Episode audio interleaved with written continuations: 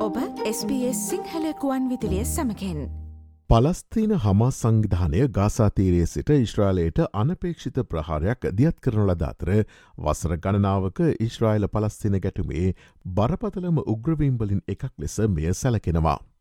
වස්සර පණහක කාලයක් තුළ මෙම දිනය ඉශ්‍රාලයේ සිද වූ මාරාන්තිකම ප්‍රචණ්ඩකාරී දිනය ලෙස හැඳින්වෙන අතර ගාසාතීරයේ වෙසෙන ඉශ්‍රයිල සහ පලස්තිනුවන් පන්සියකට අධික සංඛ්‍යාවක් මේ වන විට අවම වශයෙන් මිය ගොස් ඇති බවද වාර්තාාවනවා.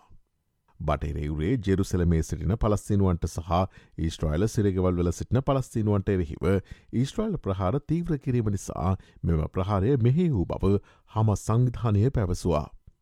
හම සංවිධානය කියන්නේ මොකක්ද. හමස් නොහොත් ඉස්ලාමීය ප්‍රතිරෝධ ව්‍යාපාරය එක්දහස් නමසය අසූ හතේදී පළමු පලස්තීන ඉන්ටිෆාඩා හෙවත් විරෝධතාවලදී ආරම්භ කරන ලද්දා.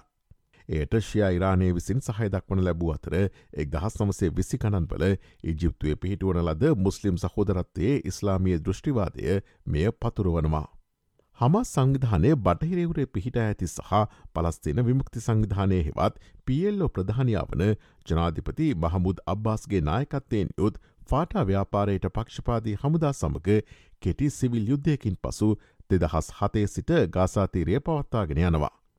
දෙදහස් හයේදී අවසන්වරට පැවති පලස්තින පාලිමින්තු මැතිවරණය ජයග්‍රහණයෙන් පසුව හමස් සංවිධානය ගාසාතීරය අත්පත් කරගන්නවා.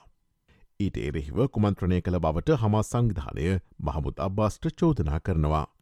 එතැන් සිට ඊශ්‍රාලය සමඟ ගැටුම් වාර ගණනාවක් ඇති වූ අතර බොහෝ විට ගාසාතීරයේ සිට ඊශ්‍රායිලයට හම සංවිධානය රොකට් ප්‍රහාර සහ ඊශ්‍රයිල ගුවන් ප්‍රහාර සහ ගාසාතිරයට බෝම්බහෙලීම එම ගැටුම්වලදී සිදුවනා.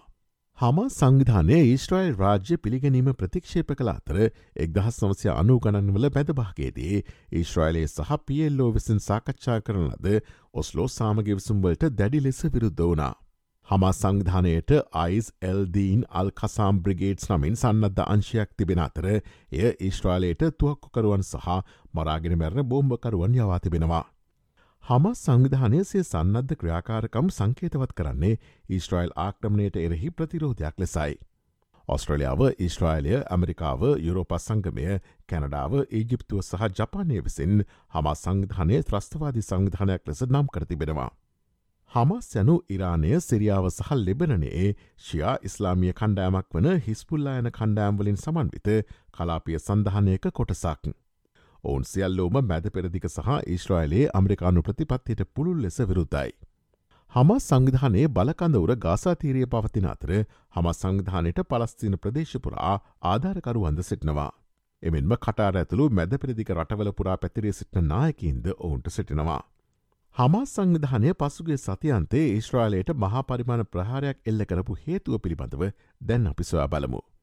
පසුගේ සතියන්තේ තම සංවිධානය සිදු කළ ප්‍රහාරය බටහිරවරේ සහ ජෙරුසෙලමේ සිටන පලස්තීරුවන්ට හා ඊශ්‍රයිල සිරගවල් වල සිටන පලස්තීරුවන්ට එරෙහිව ඊශ්‍රයිලයේ තීර වූ ප්‍රහාර නිසා සිදු කළ බව හම සංවිධානය පවසා තිබෙනවා.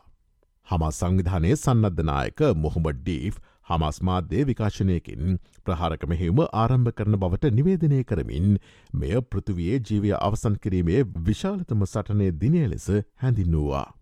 සෑම තැනකම සිටින පලස්තිනුවන්ගෙන් සටන් කරන ලෙසත් ඔහු එහිදී ඉල්ලා සිටියා. වසර දෙදහස් හතේදී හමස් සංවිධානය ගාසාතීරයේ පාලනය අත්පත් කරගත්තා සිට හමස් සහ ඊශ්‍රයිලය අතර යුද්ධ හතරක් සහ ගණනය කළ නොහැකි ගැටුම්බලින් ගාසාතීරිය විනාශ වුණා.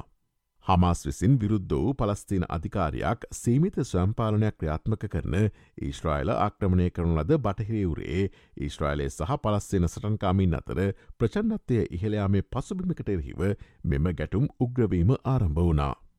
රොයිට විශ්ලේෂණයකට අනුව බටහිරවුරේ ඊශ්‍රයිල් වැටලීම් පලස්තින වීදි ප්‍රහාර සහ පලස්තින ගම්මානවලට යුදව පදිංචිකරුවන්ගේ පහරදීම් මේ සඳහා හේතු වී තිබෙනවා. ඊශ්‍රයිලයා ග්‍රාමාතය නෙතන්යාහුගේ දැඩි දක්ෂිනාංශික ආණ්ඩුව යටතේ පලස්තිනුවන්ගේ තත්ත්වය නරකාතට හැරි ඇති බව රොයිට විශ්ලේෂණය පවසන අතර සාමය ඇතිකිරීම වසර ගණනාවක් පුරාවට ඇනහිට තිබෙනවා.